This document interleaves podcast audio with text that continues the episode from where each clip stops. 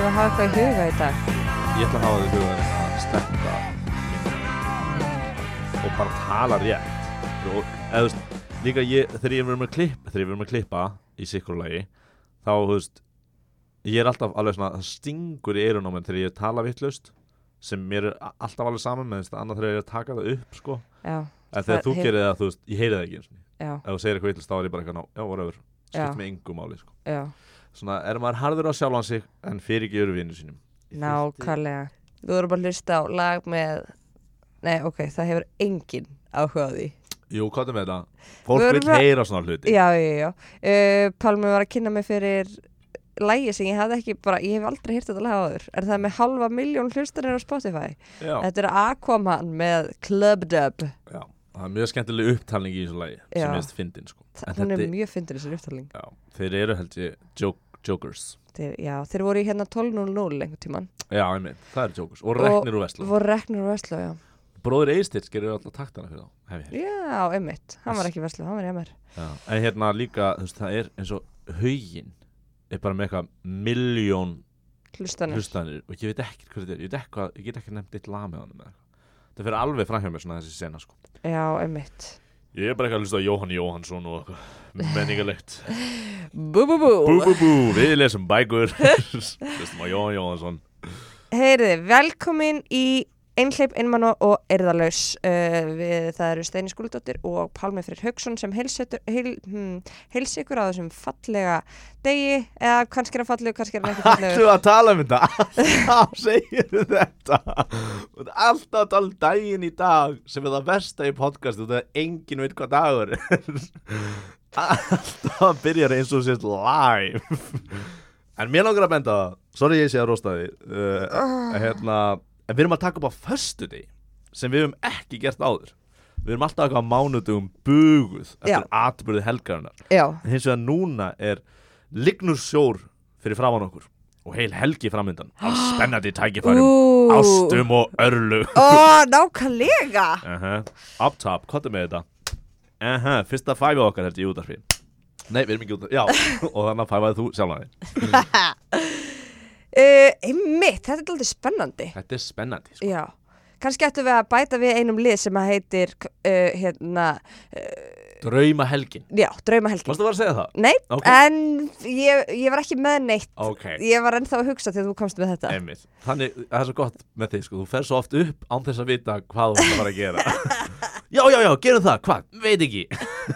En ég vil er gera alltaf, það. ég treysti á að það komi sko. Já, það er náttúrulega frábært sko Já En Pálmi, Já. hvernig líður þér? Herðu, mér, ég verð að segja, mér líður bara nokkuð vel Ég er búin að vera mjög, bi- ég er búin að vera strika út eirðalaus þarna í þessu partí af nafninu á þættinum og þetta ég er búin að vera mjög upptekinn síðustu uh, einu og hálfu vikuna og ég vil ekki eitthvað fara nánar út í hvað ég var að gera það er mjög leiðilegt út af þess að ég telji upp verkefnin sem ég var að vinna eða hvað ég var að vinna eða eitthvað leiðis og ég var að koma úr vinninni hérna, að sem ég var fjóra daga út á landi. Þannig að ég, mér, finnst, mér líður bara vel. Ég er búin að vera í góði jafnvægi uh, síðustu uh, daga og vikur. Og það sem að bæta ofan á það að mér finnst ég núna officially aftur vera orðin síðharður og þá líður mér mun betur.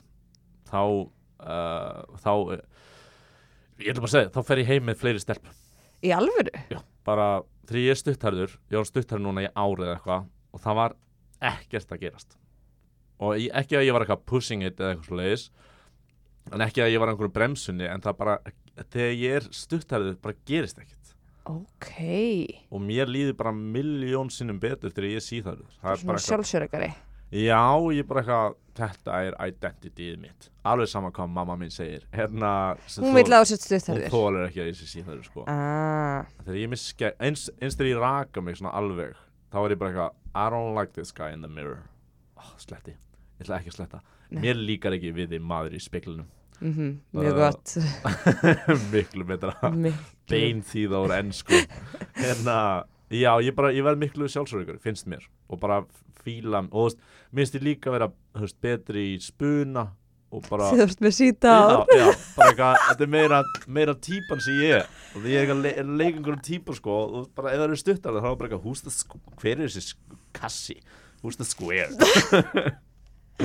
Ekki útskýra hvað það er á ennsku þetta er svona Já. lítill leikur, auka leikur. Giska á hvaða orðatiltæki á ennsku Pálmir að vitni Þetta er frábær hugmynd, það er fessari og að drikkjuleikur komið í gang í einleif og einmann að drekka þegar ég heyri mið beinþýðu og eitthvað á ennsku Eru þið tilbúin fyrir þetta? uh, Já, þannig að Ok, mér finnst þetta mjög áhugavert. Já, að ymmit og, og kannski svona góð áminning að uh, maður á að leifa sér að vera ég ætla ekki að segja bestu útgáfnu sjálfum sér en útgáfnu sjálfum sér þar sem maður er ánæðastu með sig. Já, ég ætla algjörlega sko. Ég legg líka mikið upp á því að prófa nýja hluti. Já, Þannig hvað að- hefur þið prófað í hárgræðslum? Snóðaður, uh, herraklipping, sítt hár, ótrúlega sítt hár. Hefur prófað að síta aftan? Nei, ég veit að það bara myndi ekki virka. Ég get ekki púlað þá típu Áskorun fyrir næstu. Áskorun, uh, krúnurækaðu Verð með sköfu og farið yfir hausna á þér. Hvernig var þetta í næstu Það er 14 hanakamp mánuði. Það var reyndar eitt tímbil sem ég uh, áhugavert þegar ég var með yfirskegg og stutthár Þá, og ég var með einhvern veginn svona það er svo erfitt líka að stjórna hárun á mér. Og ég veit að hlustundur elska þetta talk ég er að tala um hárun á mér. En þú veist það er svo erfitt, veist, ég get ekki slikta niður eða, eða einhvern veginn móta það. Það Já. er bara eitthvað, what, hvað er það að reyna skilur, whatever eða nei, sorry. Um, whatever. Hvað sem hvað er, sem er. Gau- Gaur, hvað sem er. Hérna En þá náði ég einhver svona Ég var á einhverju improv, improv hana mynd þar sem ég var með mitt yfirverðskegg og, og svona slikt svona svolítið aftur. Eða þú veist mynd af okkur saman? Nei, bara, bara mér. Mm. Akkur áluftar að mynd af okkur saman Bara, það, kannski. Nei, á því að ég var að finna mynd af okkur saman þar sem þú ert að með þetta sem þú ert að lýsa. Ah, þannig að kannski, ég mynd bara dætt í huga að það væri kannski líka uppáhaldsmyndi þína því að það eru Mm. uppáhaldsmyndi mín í öllum heiminum. Já, uh, uppáhaldsmyndi mín í öllum heimunum að mér einu í stúdíói. En, en það er líka, þú veist, það er það er svo, er erfitt að púlla mottu finnst mér sko, það er, maður er svo hún er í ma- tísku núna, Já, einmitt, en maður er kortir í þú veist, sumir bara púlla. Pervert. Kortir í pervert, er kortir í psychopath, psychopath. Hvort er í það er nasista. Já, kortir í næsta mm tvö kortir í næsta, maður rakar báðu megin við í næstanum það orður bara það er bara næsti En já, það er líka bara, þú manneska sem er ekki sjálfsögur getur ekki verið með já, Það, þú þá væri bara alltaf að byggast afsökunar að vera með yfirskegg, skilur ég skil þig.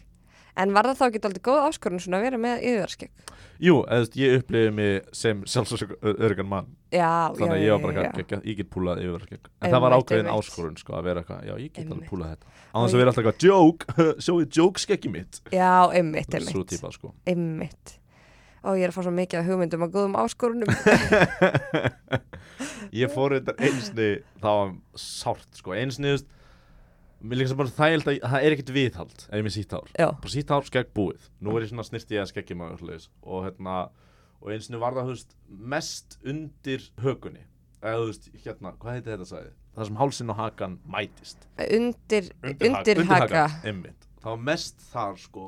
Þannig að það kom svona niður. Æ, já, þú veist það kom svona svolítið niður.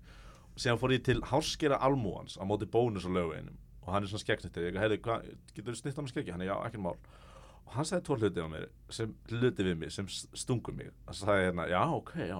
Sko ég er ekkit lærður eða eitthvað leys en ég fer bara eftir tilfinningu. Og þú, þú ert með svona geitahaus og þú ert með langt andlit og langa hug þannig að þú ert með svona skegg veist niður þá lengi það andlitið og verður meira svona eins og geit eða satan. Og ég kann, já, takk fyrir að móka mig og séðan, þú veist, held hann áfram og ég er bara, eitthvað, hann er bara að dissa mig, mér líður ekki vel hérna, hann er að snirta skeggja á mér.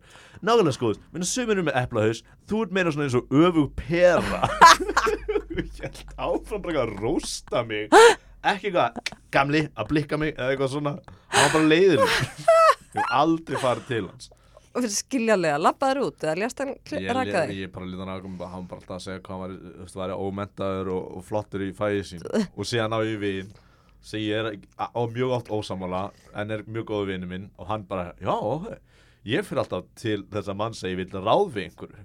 Og þá bara segir hann sína skoðu þú veist þessi hárskeri hann segir bara, Já, ok. Hann bara fyrir bara heyrðu, það er, er einhver stelpa og hún er, hún er haldið með slettið mér. Eru, félagi, þú er bara að fara að nút og gera þetta. Eða þú veist, hann bara segir Þannig að þetta er er rakara tími og sálfræðatími smá sko það er, það er smá gangi, Geta emi En hvernig var, var útkoman af þessari klippingu hér?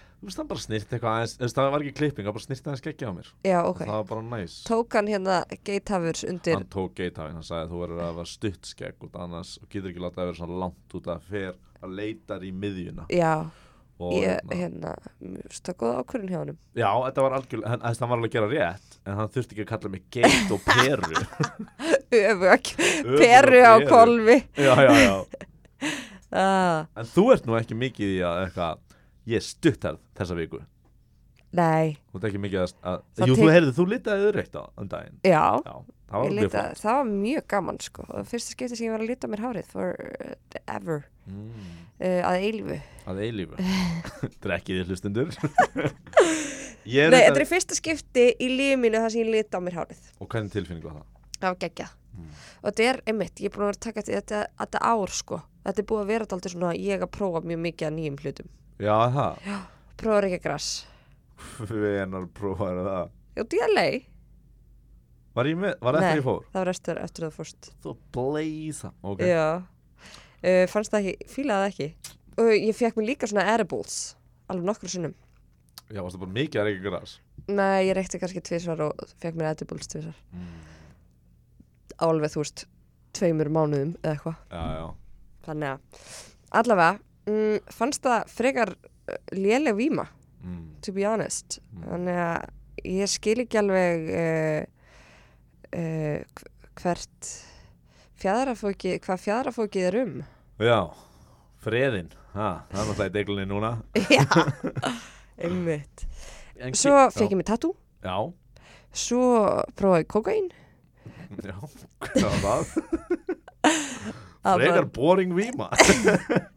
Ég var samt náttúrulega að því ég drekk ekki þannig Já, ég var edru og svo fekk ég mig kokain þannig að ég hugsaði mitt, já ok ef þú ert drukkin og tegur við erum svo mikið að fara að klippa þetta út.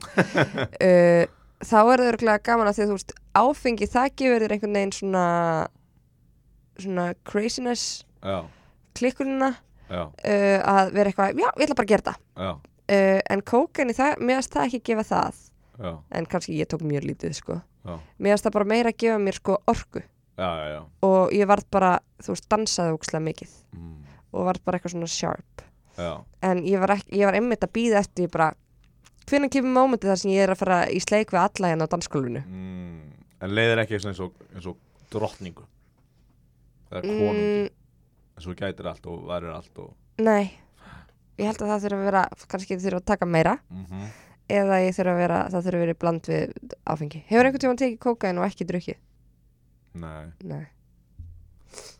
E, ég kvíli málið mitt. Ah.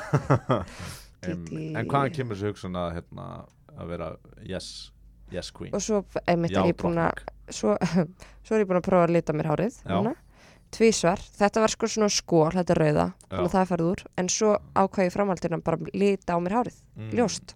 Eða setja svona ljósa strípur í það til að lýsa það. Og það sem ég gerði síðan um daginn sem er mjög stórt skref og fyrir örgulega þá sem er að hlusta er það mjög astnalegt skref að ég hef aldrei rakað á mér lappirnar.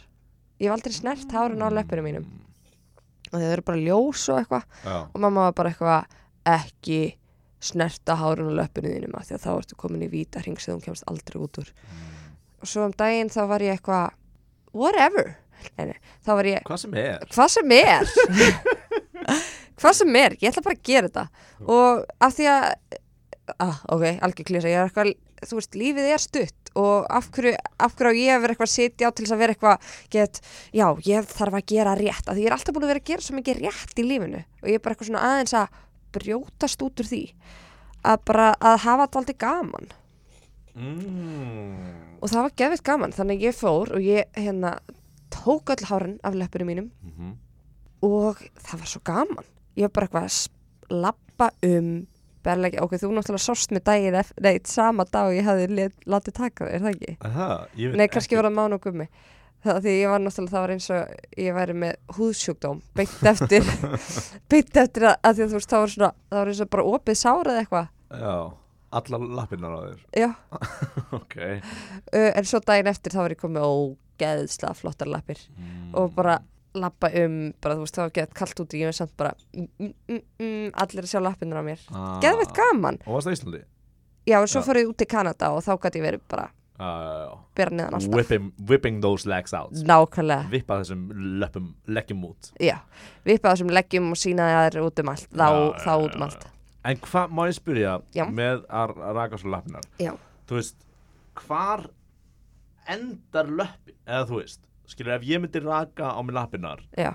Þú veist, ég myndi enda, þú veist, upp á gerfurstu eða eitthvað. Það þú væri svo stu, þú veist, Það er misjætt að þið stelpum sko. Ég, veit, ég veit að þú ert ekki með jafningin hár rassin og ég, skilur. Eða ég er að álíkta það, ég veit það ekki. Ég vil bara gefa mér það. Æ, Svo gott að þetta upplýsa okkur um það. Já, já, já. En sko, það er misjætt að þið stelpum hvort að ef þeir eru með dökka og sár mm. uh, Þannig að sumast eins og ég ég let bara taka hérna upp á njám ah, bara hingað. að þú varst ekki með neinn hár á lærón eða þú veist, þau eru bara svo Ljós. ljós, og þau eru bara pínlítil Ok, en svo eru sumar sem gera alla leið hingað upp. Já, og já, ok. það var það.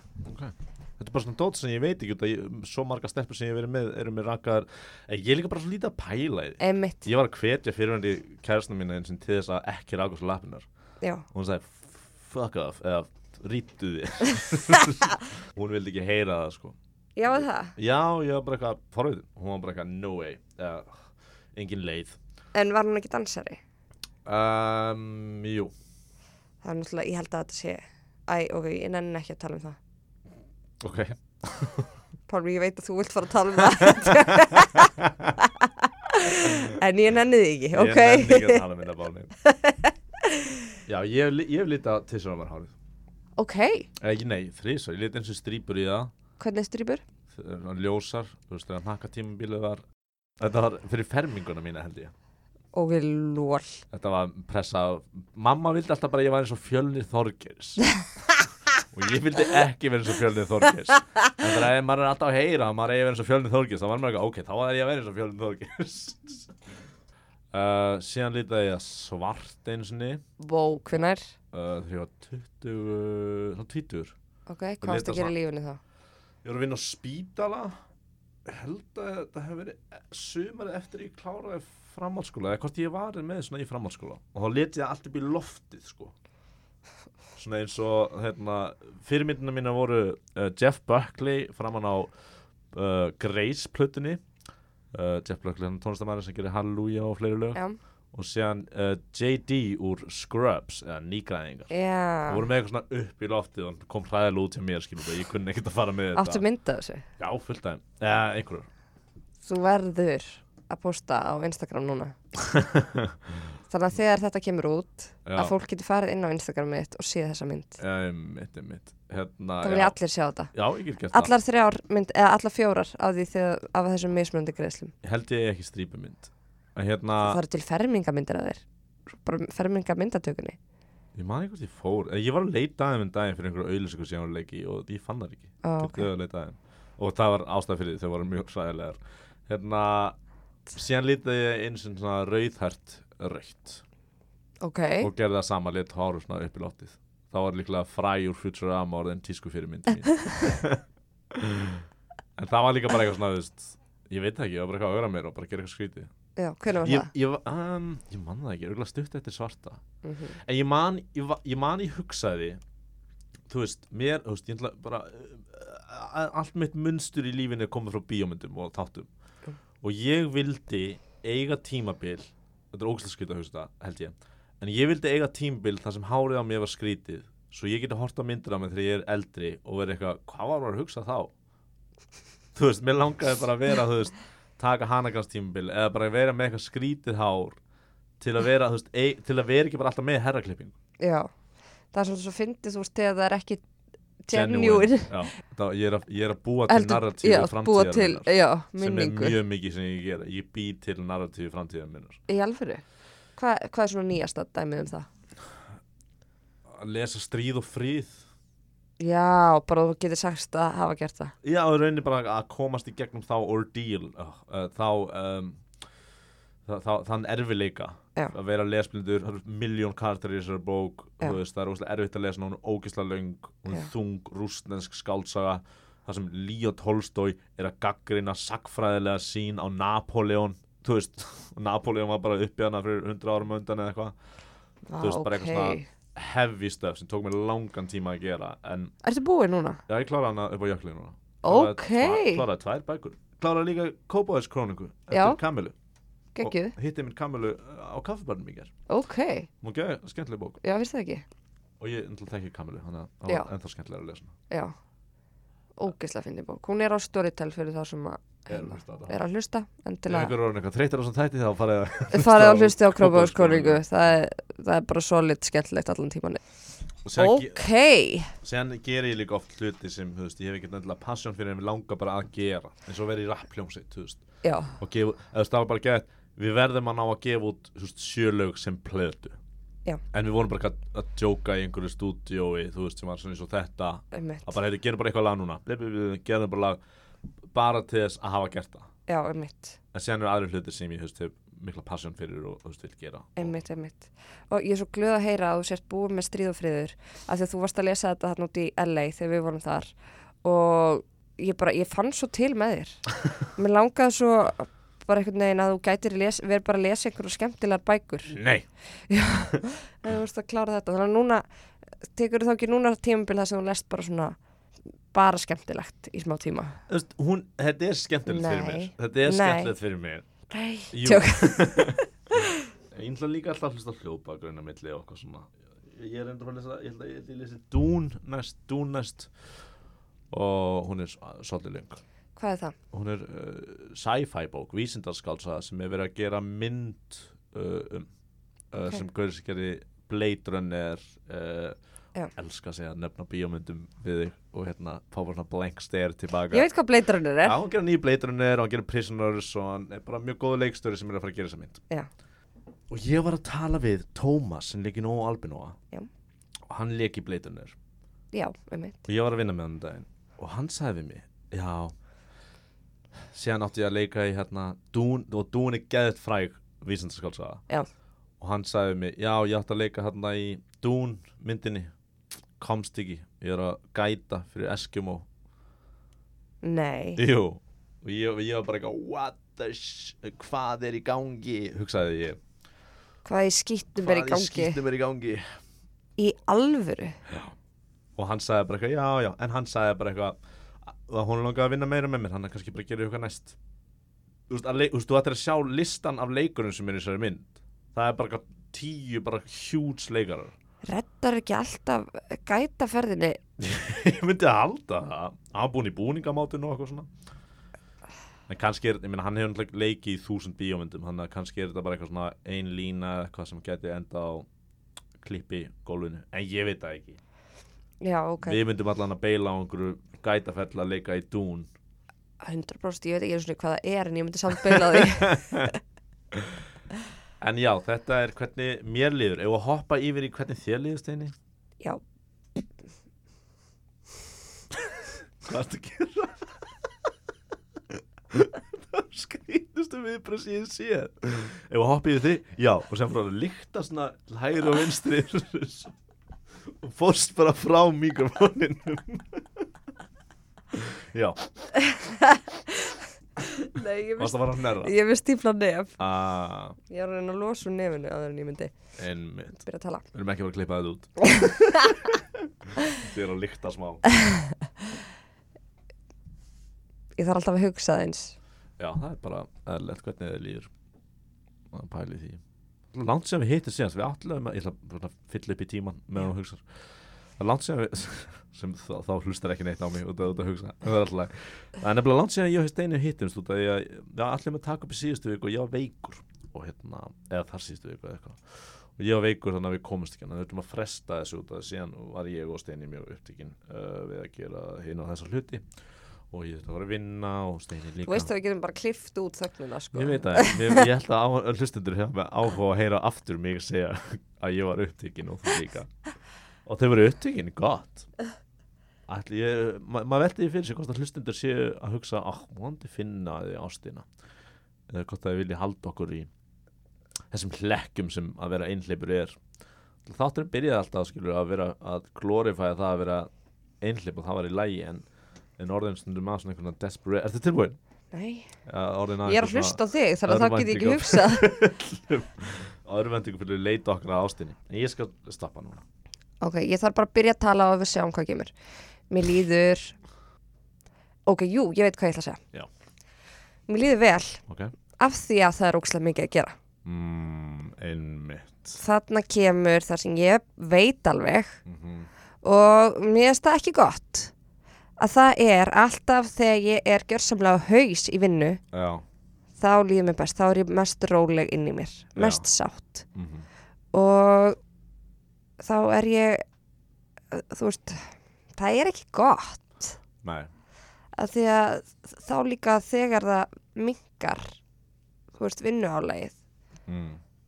þá verði ég bara, þá finn ég þú veist þetta tómarum, Mhm. þetta erðarleysi kemur þá bara af fullum krafti. Já. Þannig að mér líður mjög vel núna en uh, er pínu þú veist finnst það kannski ekki frábært að mér líður vel að ég veit af hverju það er. Já, já, já. En það er samt svo sem ekkert sem ég get gert í því kannski nema að takast á við að þegar verður minna að gera að þú veist muna að vera sátt þá. Já, en þetta kemur basically þetta kemur að öllum líkindum út af út af því að þá finnst mér ég vera nóg þú veist, að vera að vinna.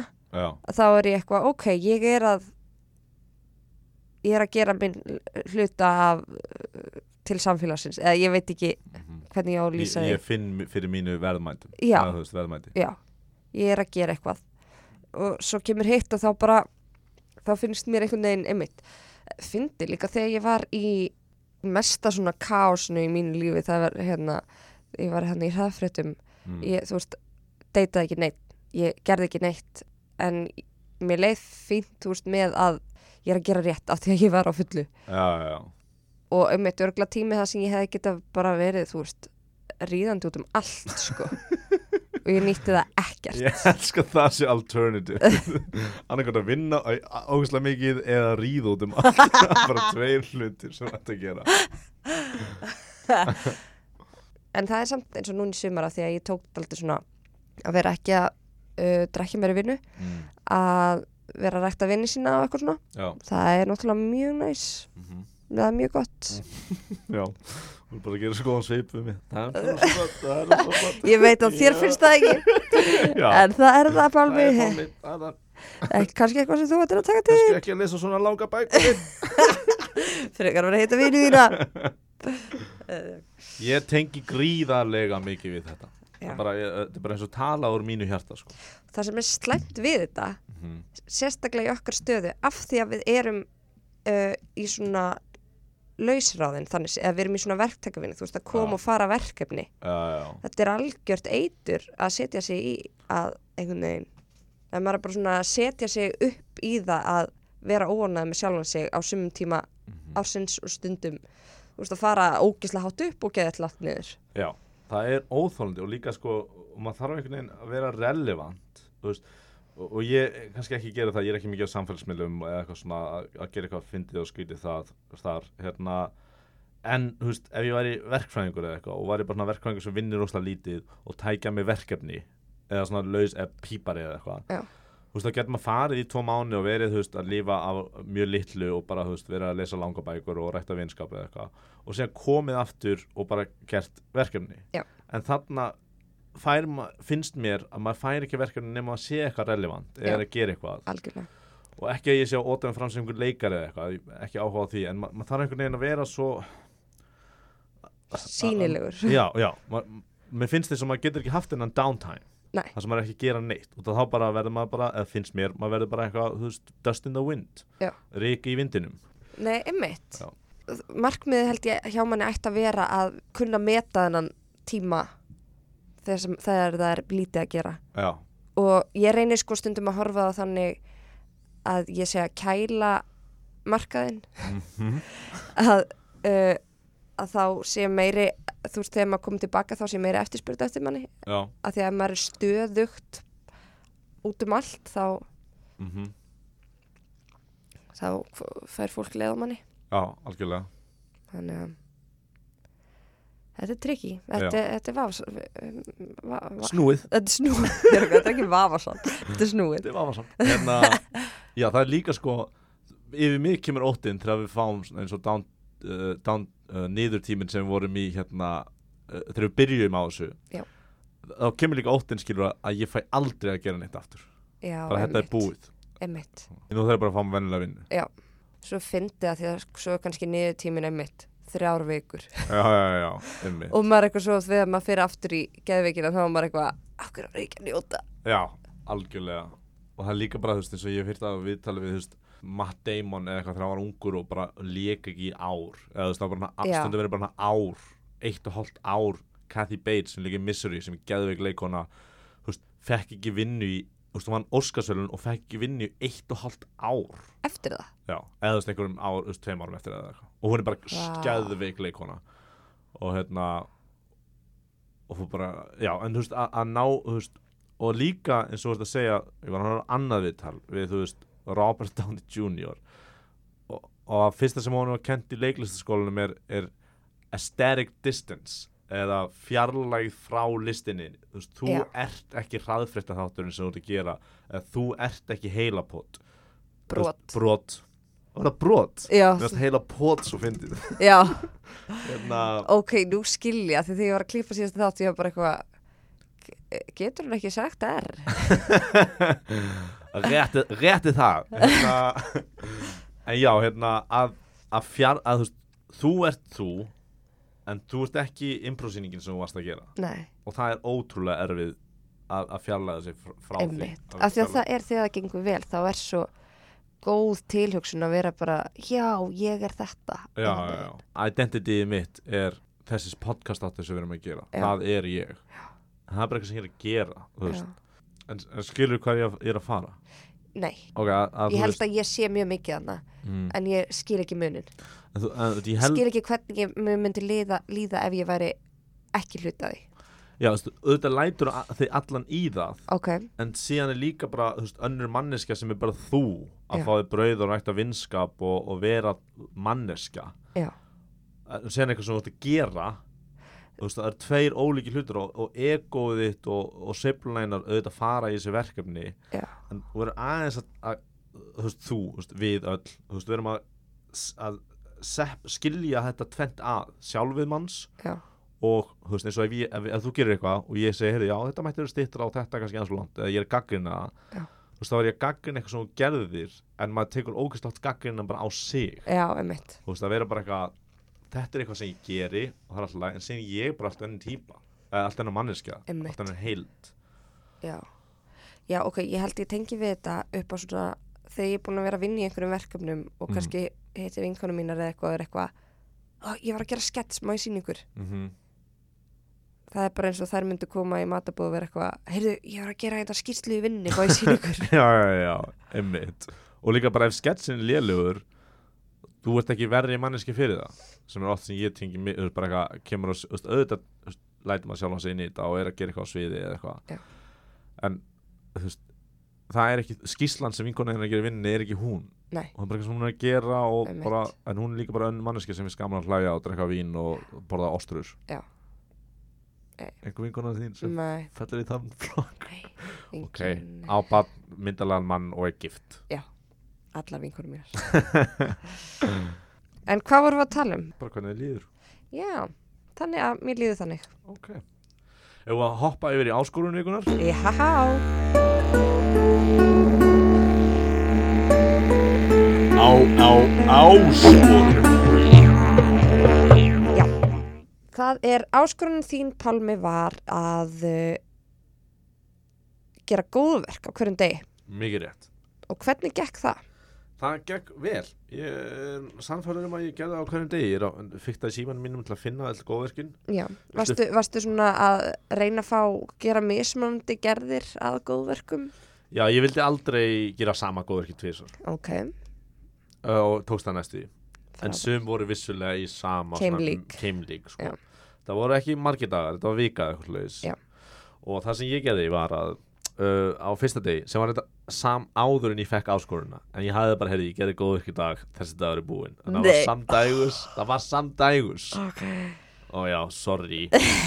Hérna að ég sé bara, mér er eðlilegt að, mér finnst það vera eðlilegt að gera góðverk afsakið það steini er ekki náði í krukkur fyrir gömlu konuna efrihæðinu minni sem voru, hún var að gera, gera sultu hún var út að tína ber og áður en ég fekk áskoruna þá báðum mér að fara inn í íbúðinu sinna og ná í krukkur sem voru uppi á hérna á eða eitthvað, eitthvað já. skinkurinn stóð og ég náði fullt af krukkum fór á stól og það ég er hávaxinn og náði krukkur fyrir hana.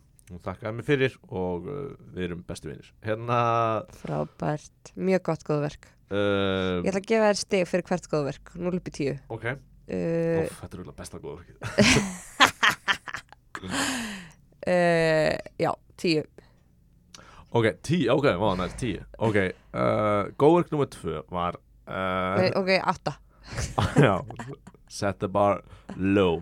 Stilt upp stöngina látt hérna góðverk nummer tvö var uh, ég var held ég að vinna þá og var þá út á landi. Nei ég, var, nei, ég var ekki að vinna og ég sá síðunni, vinnusíðunni hvernig kemst ég inn í þessa hurð. Og það er svona lásar á öllum hurðum og svona númer og eitthvað svona. Já. og það er svona ógeð, þú veist, það eru hundra manns á þessar síðu og fólk sem er á skrifstofunni sem á að sjá um þessi mál. Ég, við ekki þetta er ekki gott góðverk en hérna en ég fór í gegnum með manneskunni alla þá lása sem hún þurfti að fara í. Það bara að þú gerir þetta sem fyrir einhver korti úr þessu lætuð upp á þessu stimplaðin þetta númer sem ég þurfti að fletta upp í hæga símanum mínum á e-mail listanum fer sem hérna inn og skrifaði þetta allt uh, niður og kom þessum manni í gegnum uh, hurðirna þar sem hann þurfti að ná í bíl til að gera kert út á land. Frábært, mjög gott. Takk. Einhvern? uh, Ég myndi gefa þessu alveg 8 líka. Já, ok. Uh, Síðan gaf ég ABC uh, pening á heimbankan mínum. Næs uh Ég flaug til Ísafjarðar uh, þar sem ég var að ég borgaði ekki fyrir flugið út að ég var að sína á einleikjaháttíð þar. Já. einleikin minn á Aktalón og eftir ég kom heim þá kólefnisjafnaði ég flugið mitt en samt ég kólefnisjafnaði 6 klukkutíma flug og það var minnsta sem maður getur gert. Það plattaði eitthvað, hund- eða eitthvað 53 með 10 eða eitthvað. En þú veist þetta var hálftíma flug þannig að Já. ég get, ég get flogið núna þú veist 5 sund til Ísafjarðar og En, fengi jafn en það er, já, það er samt ekki beint góðverk. Að kólefnisjafna flugið sitt? Ég meina það er svona, það er bara góðverk fyrir samviskupið þitt Mæ, ég myndi segja að það væri Hvað er það að tala um? Öll, ok, sorry, öll Ef þú hefur ekki séð frendstáttin Öll góðverk eru bara alltaf að klappa þér á bakið. Það er ekki til eitthvað góðverk. Jú, eins Það er ekki til góðverk sem þú ert ekki að klappa sem er á bakið. Jú, en eins og, jú, þess vegna fannst mér svo gott góðverki með þarna görnum í vinnunniðinni Já, að því að þú veist bara, það, þetta er svo mikið svona sem að getur verið eitthvað séð og bara eitthvað ekki gert það já, en ég er officially á síðunni og fyrir hann að vera eitthvað sem gett næs gaur. Já, en það er samt ekkert eitthvað það með að við vinnuna sem það tekur þá er það ekki, þá er það ekki að fara að fá það mikið uh, goodwill. Já, ég veit, en ég er að fá eitthvað gott vil Og það er, þú veist, það er samt ekki það mikið að þú myndir venjulega nennast standi í þessu. Nei, ég veit, en samt eitthvað, ég er að segja bara að það er ekki til góðverk sem er ekki sem klappa manni sjálfum ekki á bakið og ég bara Já. byggjað út frá Friends, Riverdale, Phoebe og Joey. Það er samt góðverk geta þá verið eitthvað svona að borgi stöðumæli fyrir annað fólk. Já, og það sa- veit aldrei að því. Já, en þú samt, þú veist að því. Og þú veist að klappa alltaf þér fyrir að vera betri manneski og fá einhver svona ímyndu stig ímyndu karmastig. Já, Phoebe kom- komið til að láta bíflugu stinga sig og þá gætt bíflugan farið til bíflugu vinna sinna að vera að monta sig og hún myndi ekki vinna neitt á því. En Joey sagði bíflugan er líklega dáin núna ok, og þá var það, já. Hérna svo, ég held að ég myndi fá meira hrós fyrir kólum sem þetta flugi Mér finnst það samt mjög gott að þú hafi gert það. Já, já, já, síðasta góðverkið ég hérna var uh, ég var að labba út í sjoppu og það var kona sem held á þungum kassa og var að reyna að opna hurð en gata ekki. Þannig að sonurinnar var að reyna að opna eitthvað svona, eitthvað svona hurð svona, sem er svona eins og liftuhurð eða eitthvað svona, svona sjálfvirkur. En sonurinn var að reyna að gera en hann náði eiginlega ekki upp í skrána þannig ég sagði eitthvað, hei, get ég eitthvað aðstofa og þá hjálpaði ég honum en ég veit ekki hvort að hann vildi gera það sjálfur eða eitthvað slúðis, ég var bara intruda og mér leið líka alveg eins og hérna áskorunni sem var hann að, að, að láta hafna mér. Mér líður alltaf þegar ég er að trubla fólk eins og ég sé eitthvað ógnat eða eins og ég sé eitthvað svona butting in eða bara eitthvað með óþarfa vesen sem gæti lists án mín. Já, en þú ert samt bara að spurja. Ég veit það, ég veit það. Það er ekki eins og þú hafi mætt og verið eitthvað rutt stráknum úr vegi og verið eitthvað. Ég get gett þetta miklu betur. Ok, ég gerði það reynda uh, eða þú veist, mér leið ekki bara eitthvað svona eins og eitthvað svona uh, na, uh, rittari í fínum hérna, herrklæðum knighting in shining armor. Hérna, En er það þá ekki einmitt dæmi um góðverk þar sem þú ert ekki að gera það fyrir þitt eigið um, hvar, þú veist, eigið uh, sálarlíf einhvern veginn? Já, en samt finnst mér að maður vera eitthvað svona að því er þetta ekki einmitt manneskinn sem maður vill vera? Eða þú veist, e, vil, viljum við ekki allir í samfélaginu séu svona tilbúinir og búinir til þess að hjálpa hver öðru jú, en hefur ekki lent í manneski sem er að hjálpa það þarf ekki að hjálpa? Já, en þá segir maður bara neittak og þú veist, ef þú myndir fá, að heyra neittak þá myndir þú bakka strax. Já, þú veist, þú ert að tala um manneskinu sem bakkar ekki þegar maður er búin að segja neittak og maður er eitthvað hvað ertu? mér finnst það já, ég skilða, mjög vel point uh, mjög flottur punktur. Hérna en mér finnst íslenska þjóðun vera svo meðvirk að hún þorir ekki að segja nei takk. Já, það er náttúrulega ekki þitt vandamál nei, nei, nei, mér finnst það bara e, e, e, mér finnst það einkenna svona aðstæður oft. Já, þegar eitthvað svona, þú veist en þá samt finnur maður það ef að manneskan, ef að hún er eitthvað já, maður finnur það eiginlega bara strax það er eitthvað, já það þarf ekki á mér að halda þá bara kemur maður sér undan því. En, En- þú veist, það er samt svo mikið manneskinu að kenna.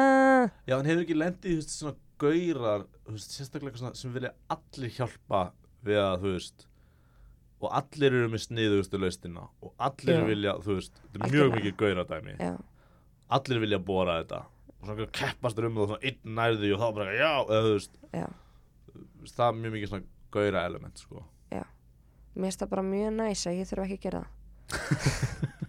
Já, já, einmitt. en þú veist að mér finnst það líka bara eitthvað svona fallegt við að vera einmitt saman í þessu samfélagslega eitthvað, við erum Já. samfélag. Já, ég, þú veist, all, þú veist, ég gerði ekki meira samlega, ég elska að íta einhverjum bílum úr einhverjum, eh, elska, mér finnst mjög gott að íta einhverjum bílum úr, úr snjó eða, eða hjálpa einhverjum, þú veist, svona, þetta er svona jólatilfinning, Já. svona hjálpa einhverjum, þú veist, það á bara að gera góðverk er næs. einmitt, En, þetta var síðasta góðverkið, bara þetta var ljúft og gott, en ég rak mig á, ég rak mig á það að eitthvað sem þú sagðir sem var, við vorum einhvern veginn að tala um að breyta sjálfum sér og þú varst mjög hörð á því sem ég var sammála, hérna þú getur ekki breytið nema þú vilja breyta þér. Þú getur ekki annar breytið og þarna fannst mér vera hérna ég er að gera undir undir þínum formerkjum. Þessi góðverk já, þannig að þau voru alltaf smá þú fyrir alltaf að hugsa um mig þegar já, ég er alltaf bara ekki, ég getur fyrir steini eða eitthvað Já, svona sko. sem er ekki slæmt að gera þetta fyrir þig en það var eitthvað svona jafnvel að gera eitthvað gott var og svo er ég að gefa þér einhvern fyrir góðverk já, þetta hátt steini fast það kólefnisjafna það er ömulegt steini fíla það. Já, þú ekki að þetta er bara æstnileg næsta. Gafst ekki svona einhvern. Og bara, þú veist, jafn basic jafn venjulegu hlutur og að hérna, að gera góðverk var samt fekk þessa tilfinningu þú veist. Hvað tilfinningu sér? A- að ég sé að gera þetta fyrir einhvern annan en sjálf á mig. Já, einmitt. Bara eins og þú veist ég færi í um, En við erum samt, er það samt ekki meira eins og með þetta að maður sé að skoða ma maður sé að skoða hvernig mann sjálfum líður við það? Já, já, já. Að það sé, þurfi ekki endilega að vera oh, ég bara teki eitthvað bóks fyrir hana mm. að heldur bara svona já, ummitt þú veist, taka eftir tækifærum í lífinu þar sem maður getur gert góðverk og þannig. Jú, jú, jú, en, jú. En mér finnst eins og síðast þú veist, þá finnst mér ég er að gera þetta einhverju svona undir formmerkjum annars, jafnvel þótt að þetta sé bara mjög indall og fallegu hlutur sko, já, já, en það ég er líka þver. Kannski það er líka það. Það er satt. En já, þetta var mín reynsla. Vel gert. Ég tek tilbaka, þetta var allt frábær góðverk Ah.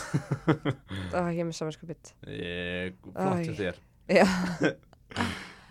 um, En fegstu þú veist eftir þetta einmitt, þú fegst ekki að því að þetta var, nú er liðinar þrjár viku sem við hittum síðast, þú gerðir þetta í eina viku. Mhm. uh, þú veist, tvær vikunar þar á eftir þú fegst aldrei eitthvað svona löngun að gera þetta meira að því að þá fannst þér þú vera að gera það fyrir mig.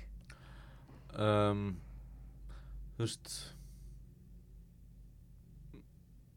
Alltaf þessu myndi ég held ég gera eða nei, ekki, e, þú veist, eins og krukkurnar og hjálpa þessari stelpu sem var hann að opna hörð og það er svona þú veist, ABC var í vissulega klukka var hann 11 og ég ekki, já, ég ætti að gera góðverk og þá fer ég að styrka ABC Já, þú veist ég reyn ég, ég vil telja það ég reyna að haga mi- lífi mínu svoleiðis.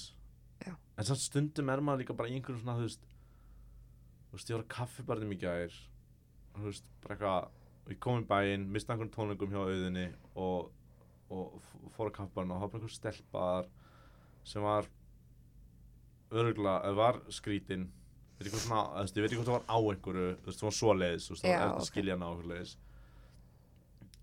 og þá er maður bara eitthvað, maður, maður var að ko- koma og þú veist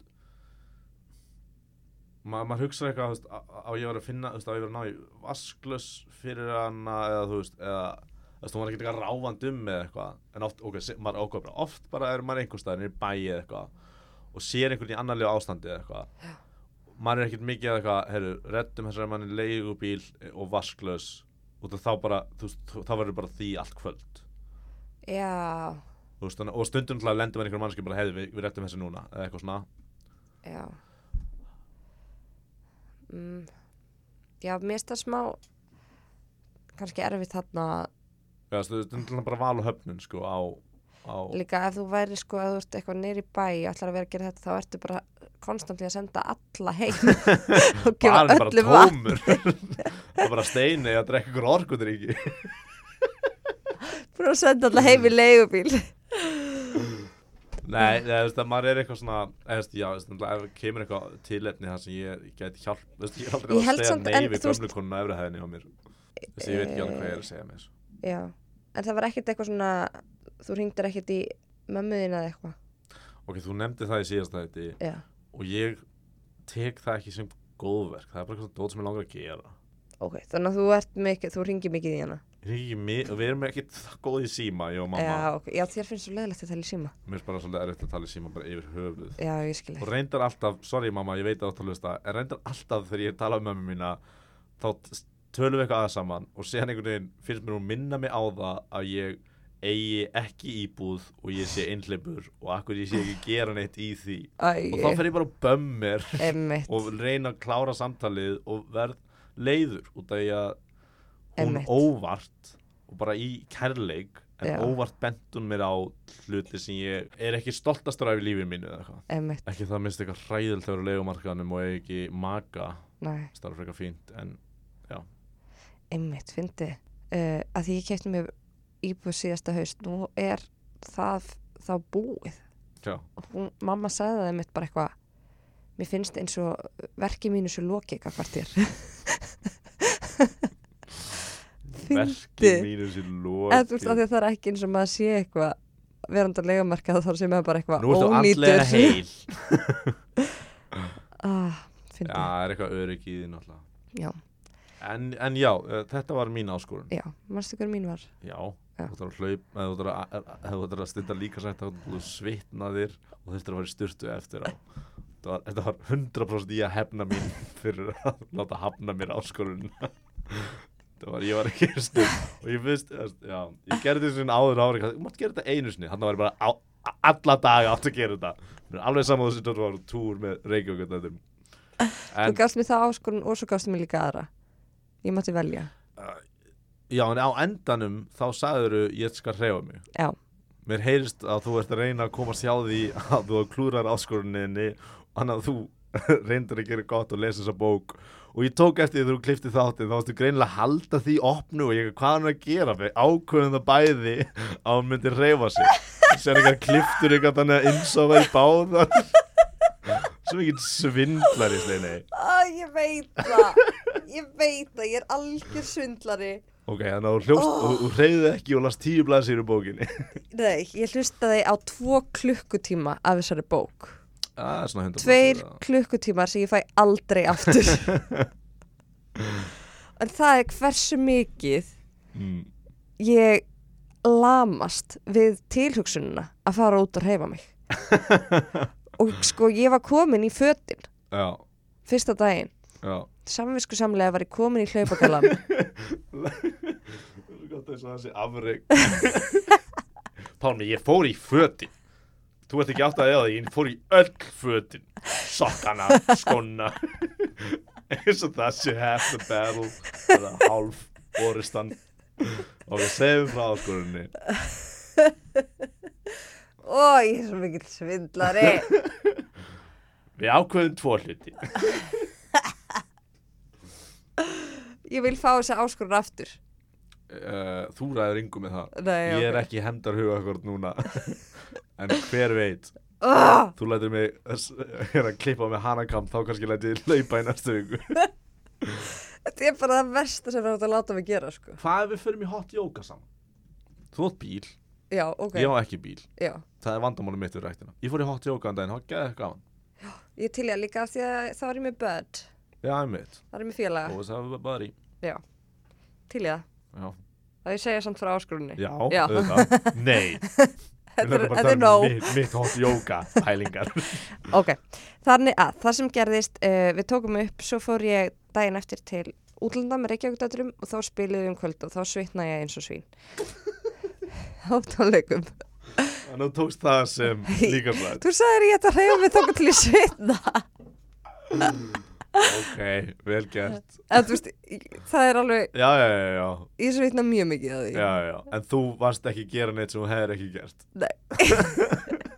Ó, ég hlakka alltaf að heyra sjö aðrar útgáður á þessu svindli. Síðan var í útlöndum og það var rosalega heitt. Þannig ég svitnaði og svín. Ég fór ógeðslega mikið af fötum my god, það er þetta geðveitt sniðut Ég hefði bara að klæða mig ógislega mikið af föt. Fórst alltaf já, bara að í gufu. Fari í einn stutt að göngutúr. Já. Í snjókala oh, Nei, ég gerði það ekki. Nei, svo uh, kom ég heim og þá var ég eitthvað að ég fæ ég fæ frípass hérna þennan dag af því ég var að koma heim úr flugi.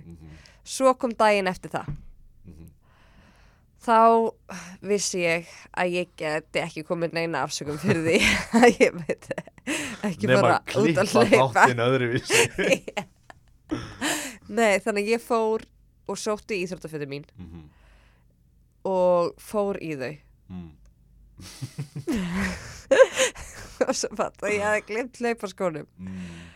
uh, og þá var ég bara lömuð Mm. Og ég fór á einhvern fund og var alveg bara svona, já, nei, ég get bara hýst í þetta langan tíma því að svo þarf ég að fara út að hlaupa. Mhm. og svo var ég mest allan fundin að tala um það hvað ég var í stressað því ég þyrfti að fara út að hlaupa. Og og uh, og svo var ég búin og svo Ég, el, sorry, ég elska þetta sem gerist í já árunniðinu Það er svona að taka kókain og gras En að fara út að skokka er bara eitthvað svona unimaginable En síðan þá var ég eitthvað að það sé, það sé meira stressvallandi og we gotta get into this. Hérna að fara út að hlaupa heldur en að taka kókain ah, Sorry, sorry, ég triplaði rithmaðið ah, nei, þetta er bara svo satt sko. Og svo endaði samt á því að ég þurfti að fara að sækja hlaupaskóna ég endaði að sækja það aldrei. Mhm. uh, og beið þá til að klukkan var orðin það margt að ég var eitthvað ah, ég var, ég, mér er búið í eitthvað ammælisveitlega, ég man ekki hvað það var. Mhm. ég verð að mæta hann og svo er ég umæli vinkon sem mætir ekki ammæli þannig að þá fór ég aftur í venjuleg föt og fór í ammæli Mhm. og svo eftir það þá byrjaði ég bara að hlusta á the game. Mm, sko ok, þetta er æðislegt. Við við getum talað um hérna tvo hluti. Game minus the game. Veist, e, þetta er einhver svona hræ- hræðsla þín við að láta líka maður í erfiðar aðstæður, er það ekki? Þetta er ekki eitthvað dýpra eða það, þetta er bara þið finnst óþægild að vera í óþægilega aðstæðu þú skilur ekki pælingunum um að styrkja líka maður og það er það. Einmitt, þannig að kannski þarf ég að prófa einhverja svona líkamsætta sem að ég er einmitt að styrkja líkamann. Ég ætla að úr náttúrulega styrkjan með að hlaupa. En þú veist, það er meira að gera þór þá maður samt eitthvað hann lengra.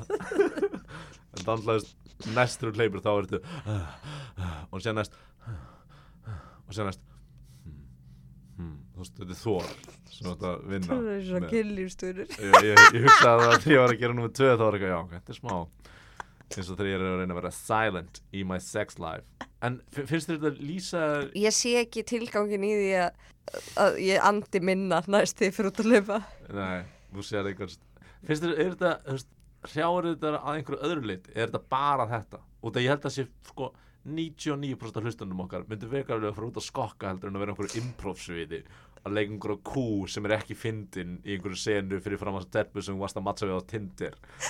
Mjög sértakt dæmi vissulega. En það getur gestur í hvern sem er. En hérna þetta er bara, þetta er bara þetta, þetta er, ég skil þetta ekki. Nei, ég skil ekki okkur ég er svona. Nei. Og líka fólki finnst bara leiðilt að hlaupa hann slæs já, einmitt. Kannski ætti ég bara að gera eitthvað annað heldur en að hlaupa. Já, það er það sem ég er að reyna að átta mig á. Er þetta bara eitthvað, mér finnst bara einlegt ógeðslega leiðilt að gera þetta. Er þetta eitthvað svona dýbra en það?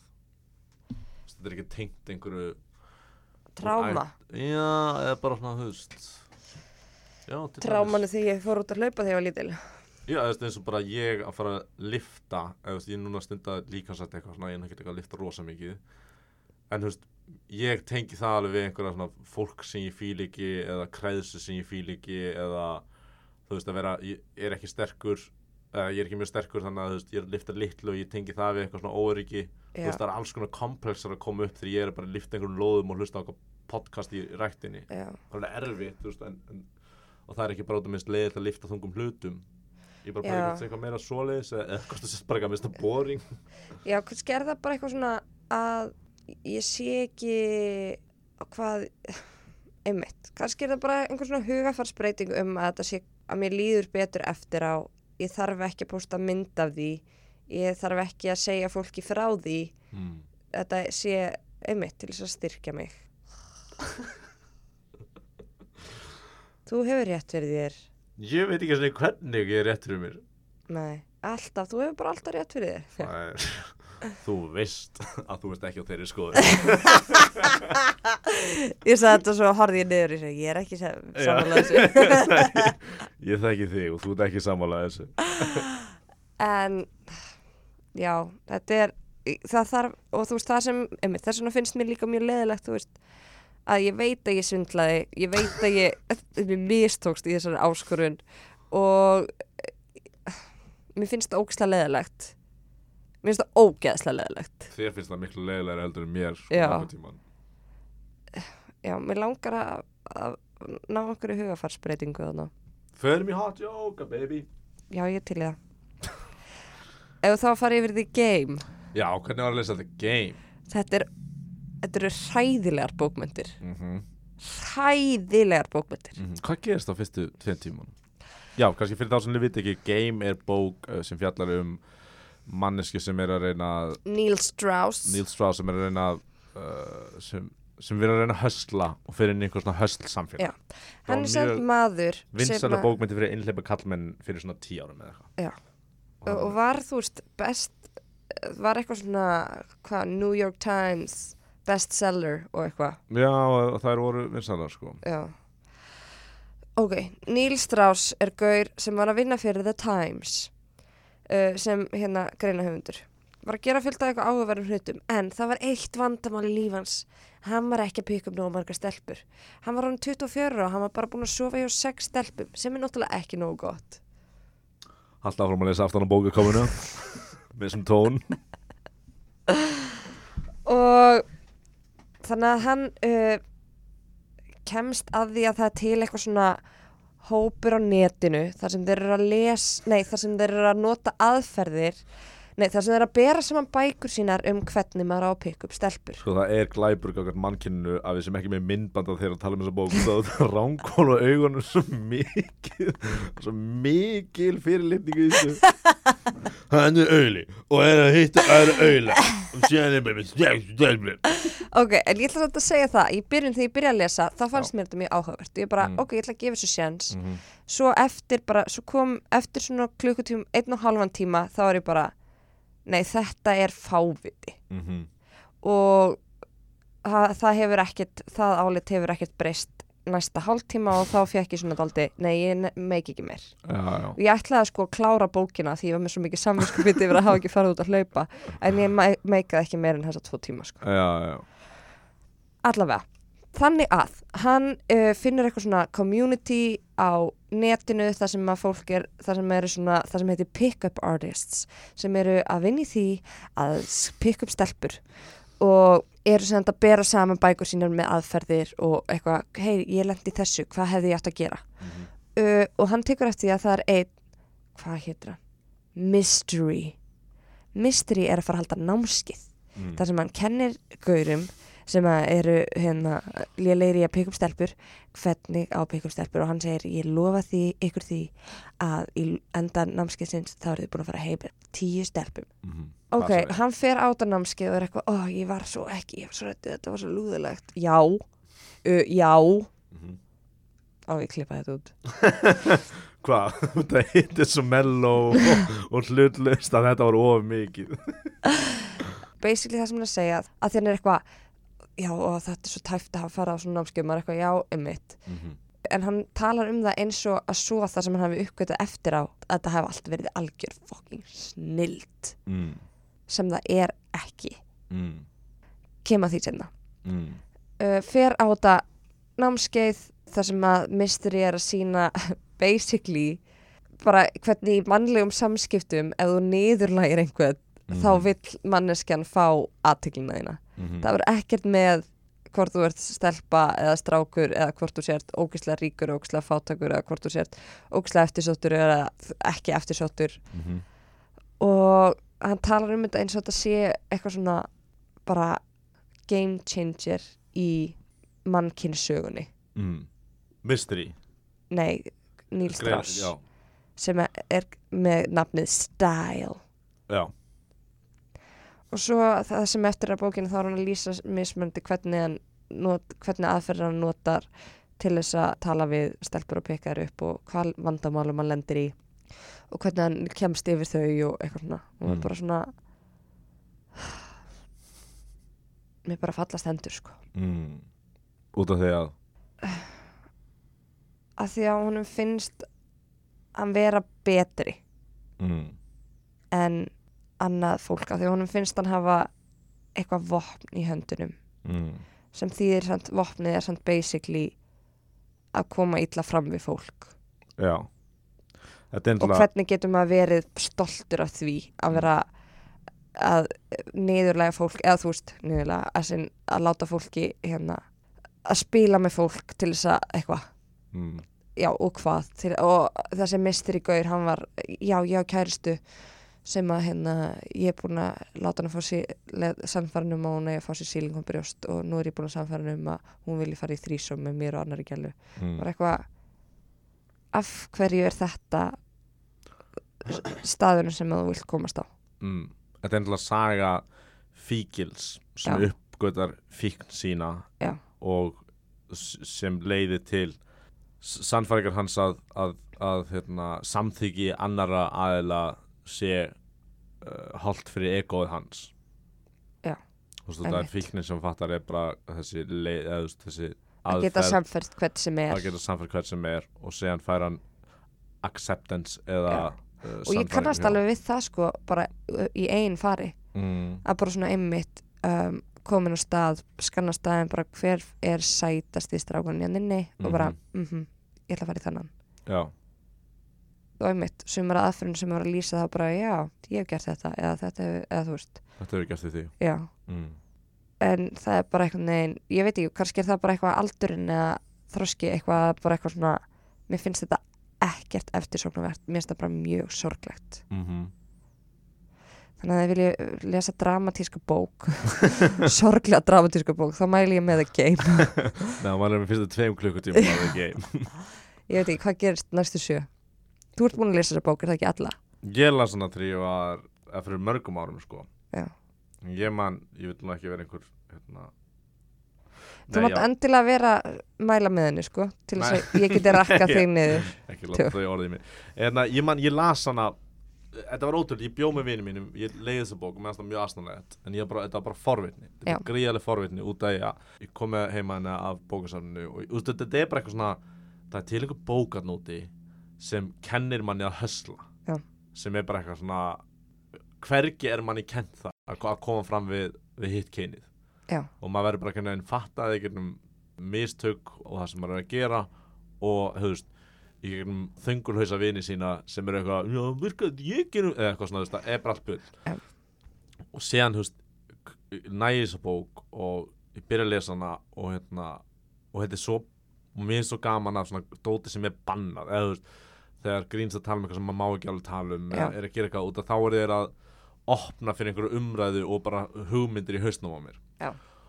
og ég las hana og ég var að reyna að fela og ég held að liðið sko 25 myndur áður en meðlegandi minn var búinn að fatta að ég sé að lesa þessa bók hann bara kom inn, bankaði, hei, viltu eitthvað hvað ertu að lesa? eða eitthvað svona, ég var að reyna að fela hana skilur við, samt, þú veist sá það strax og við minna, við við lásum alveg ákveðlega mikið á þessu tíma en við hérna við, við, vorum, þú veist, við komum heim í vinnu, við byrjum strax að lesa. Og sen fór ég kannski borða og tók hann bókinu og byrjaði að lesa hana. Og sen fór ég, þú veist, við vorum bara svona. Og þetta var Ó. svo, við vorum 23 eða eitthvað þess, en þetta var svo mikið ég veit ekki hvort að forðbóðið bóðið sér rétt á orðið. Já, og sem var sagan bara svo, þú veist, hann er að ná einhverju svona sem er svona, þetta er sem svo, þú veist, þú veist entourage, eða eitthvað svona, þú veist, einhver svona ímynd kallmennsku er að vera gett góður í kringum stelpur, veist, og geta bara látið stelpur leika á hvernig fingri, eða þú veist, vera bara eitthvað já góður í þessu og hvergi, En er það ekki bara basically, þú veist, að vera góður í að ná fólki á sitt band? jú, en segðu mig Steini, strákarnir sem reyna við því og þú fyrir heimið, eru þeir úrslega næs við því? Eða eru þeir úrslega distant og leiðileg við því?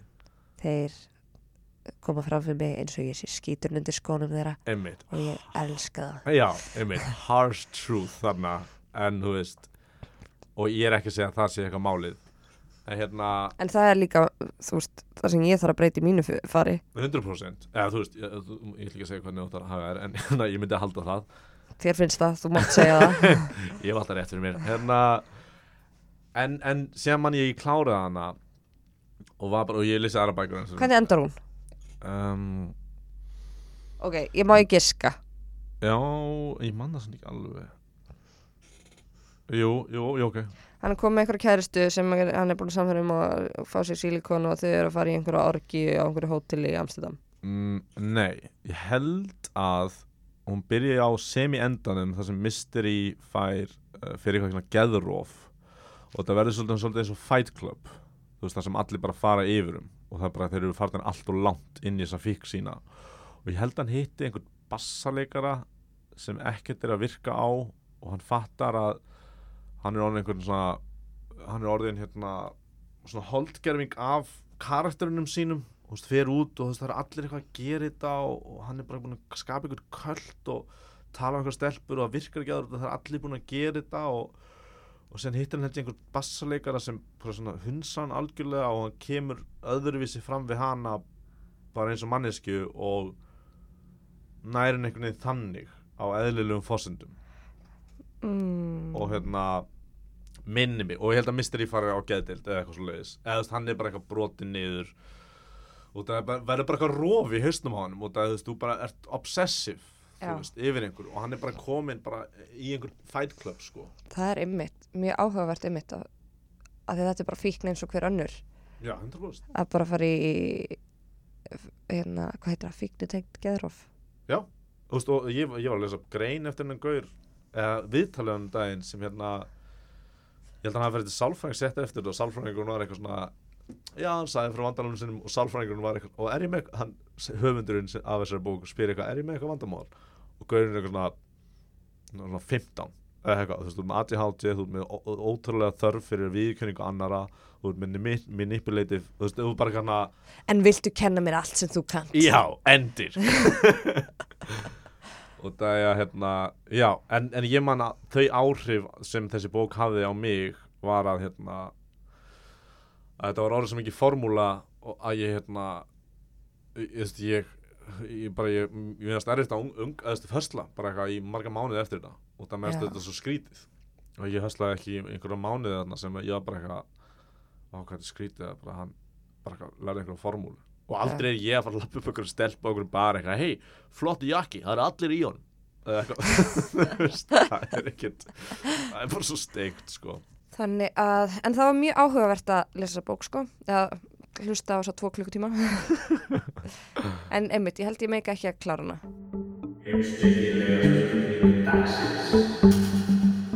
Já, heimspekileg spurning dagsins er uh, vangavelta Steini, heldur þú að ef það myndi kallmaður koma upp að þér eða getur leitt kannski erum við búin að fara yfir það en getur leitt mig í gegnum það hvernig það er þegar kallmaður kemur upp að þér og kemur vel fram við þig og er næs og almennilegur og er reyna við þig hvernig það klúðrast? Eða það er eins og að það, það, það virki ekki á því Já, sem eru svara- frábær skilabóð að senda til hlustenda. Ég skal svara það mjög snögt, mm. hann á kærustu. Ó, ok, ég vissi það ekki. Takk. Nei, en sko, mér finnst, En þú, þú talar eins og það sé bara eitthvað uh, eitur í þinn mæðum sem ég held að sé ekki alveg satt nei, sko, mér finnst alveg hafa komið gaurar upp á mér sem ég er eitthvað, ú, þessi sætur, hann er mjög almennilegur. Þú veist, einmitt, gaurar sem hafa komið, einmitt, eitthvað, hrósa mig kannski fyrir eitthvað sem ég gert eða eitthvað. mm -hmm. og ég eitthvað, já, næs, hvað, en hver er þú, hvað gerir þú? Mm -hmm. Og kemur ljósan kæðarstu, ég er eitthvað, ah, Þetta breyta spurningunni eða, þú veist, en, ef einhver er að reyna við og á ekki kærustu þá er hann giftur þá kemur hann er að spjalla og svo á kæðarstu. um, sko, þá kannski það sem gerist er að ég fer að gera grín og fæla hann í burtu. Og finnst þér grínið þitt fælast kallmenn í burtu Já, því ég er alltaf að taka þá niður með gríninu mínu. ah, einmitt. þannig að ef einhver bara genuine eitthvað hei, þetta er úrst á flotti þætti sem þú ert að gera Þá er ég bara whatever, eitthvað, fuckface hey fuckface. Hvað vil að fram með mig? en verður samt ógustlega næs Já, nei, samt sko, ef að gaurinn er næst svo kemur bara, hæ, hvað heitir þú? Það gerist aldrei að hann sé á lausu. Það hefur aldrei gerst. Ef einhver gaur kemur sem ég er sætur og hann er næs og hann á ekki kæristu, þá fer ég bara heim með honum. Já, og það gerist oft Nei, eftir að þeir eiga alltaf kærustur. Ok, þannig að engin gauð sem hefur farið heim með var bara eitthvað næs og þið fóru heim saman Ok, þú ert að miskilja. Því, Þú heldur að ég fari bara heim með gaurum sem eru bara eitthvað tottaði með medlæn. Ok, ekki alveg það En sem var ég kannski að halda mig sleppti mér og spila ykkur leiki sem þú kannski kannski Já, eins og síðasti gaur mjög, Ég er mjög mikið að byggja þetta á síðasta gauð Já, og þú sagði mjög mikið alltaf gerist þetta Já, já, já, einmitt. Ég er náttúrulega alhæfa kannski smá. Uh, en það gerist þá, það sem gerist þá mm er að ég verð mjög hrætt. mm. Og ég var sko hjá sálfræðingum mínum um daginn og ég var að tala um þetta. Og hún var að segja ég set aldrei bara alla pressuna á gaurin. Ég bara fel honum alla ábyrðina. Alla ábyrðina á, á hvað er að gerast á milli ykkar. Hvert er þetta að fara og að hann megi bara ráða öllu og taka allar ákvarðunar. Og þú, þið finnst það þægilegt? Nei, ég bara er svo hrætt að ég bara hætti, held að ég hafi ekki lengur að mín skoðun hafi ekkert að segja í þessu að ég er bara eitthvað auðvitað vil ég allt hér og svo þarf bara að sjá hvað þú vilt. Í Þú veist, sambandi? ég, ég, tín, ég tíni mér þú veist ekki í sambandi bara í þessu date face að ég er bara eitthvað, ætla hann vilja hitta mig aftur? Mm. Me, meira pæli hvort að hann vilji hitta þig aftur frekar en hvort að þú vilji hitta hann aftur eða? Já. með Ok. þessa gaura. Já, su- þú veist, stundum gerist alveg að ég eitthvað að hitta einhvern svo er ég bara eitthvað, að nei, heyrðu, ég get ekki hitta mér. Já, já, og þá bara er það búið. Já. Hann er frásóknumæður hann var í Panamaskjólunum Ó, ég er svo þreytar svo höstsögum þínum Sigmund Davíð. Hérna ok, ok, þannig ef, ef ég vissi ekki að þetta myndi sparka þetta umræðefni svona mikið, hérna nista þetta umræðefni, þannig ef Guður kemur til þín og er Já. almennilega við þín mm sem við hvetjum kallkynnslustundur þá tvo sem eru að hlusta hérna til að gera, það ég held að þetta podcast Hvað það er, þú og einhver einn það annar er eitt sjóari. Ég, sorry, ég bara ímyndi mér að það sé fleiri stelpur að hlusta. Já. veit ekki okkur, uh, kannski það er hos whatever, alveg sama. Kemur Guður Uh, uh, Hvað, af hverju heldur það séu fleiri stelpur að hlusta? út af að við bara fengjum meira feedback frá stelpum. Já, nei, af hverju heldur það séu fleiri stelpur sem hlusta? Já, uh, út af þetta er umræðefni sem uh, stelpur eru meira fyrir að tala um tilfinningar sínar. Já, ok. Ég er mikið hrifin af því en ég þarf virkilega að þræða karlmann til að komast að karlmanni sem nennir að tala um tilfinningar. Ah, Ég skil ég skil uh, og takk allir sem hafa hrósað okkur og sendt okkur skilabóð, Já. það er mjög uh, fallega gert er okkur geggja Hérna, allana, það kemur kall maður að þér Endilega sendi fleiri Tjók. Ég vil þótt þið fíli ekki eins og þáttinn. Please send, við höfum ekkert að gera. Hérna, það kemur kall maður upp að þér. Og, og er almennlegur segjum að þetta sé einhver sta- við kendur stað til að reyna við fólk. Uh, og er almennlegur við þig. Já. Þú tekur við því og fer strax að snúa þið upp í joke bara þú gerir samræði með það? Já, stundum. Já. Mm, Svo eh, kannski núna þá er ég aðeins búin að þroskast. Mm. Þannig að ég hérna eh, get tekið við því og er þá meira bara byrju, já, er þetta? Þá er ég mjög lengi, þá er ég alltaf að býja eftir hann tónlistinni, kvikmyndatónlistinni. Mhm. Og hún dettin og ég bara, já. mm, hún er, ég heyri enga tónlist þannig að ég er ekki Frábær viss ég er ekki viss hvort hann sé að reyna með mig þannig að það kemur mjög langt tímabil þar sem ég veit ekki hvort að manneskinn er að reyna með mig eða ekki Já. þar sem ég er bara mjög næs á móti mm. Það er kannski svona, það er svona vandamál við þessar nice guys að, að kannski er hann ekki nógu forward já, að sem er mjög gott sem er mjög gott að Nei, svona það er mjög gott að já, það er meira svona já, þú meinar að þeir sé ekki nógu er að hugsa en út af- þeir eru bara svo góð, þetta er flott. Þetta er flott það sem þeir eru að gera. En, en þú ert ruggluð samt. Já, og það er bara út af mér? Já. En þú veist það er alveg hægt að vera næs gauður sem er líka smá forward já, um mitt, já. Ég, ég er þá bara að reyndar reyna offast í stundum smá Ó, lesið bara game og farið heim til ykkar. Ok Þannig að gauðurinn kemur upp að þér Er almennilegu við því Þú djókar í hann á móti Sem hann djókar tilbaka.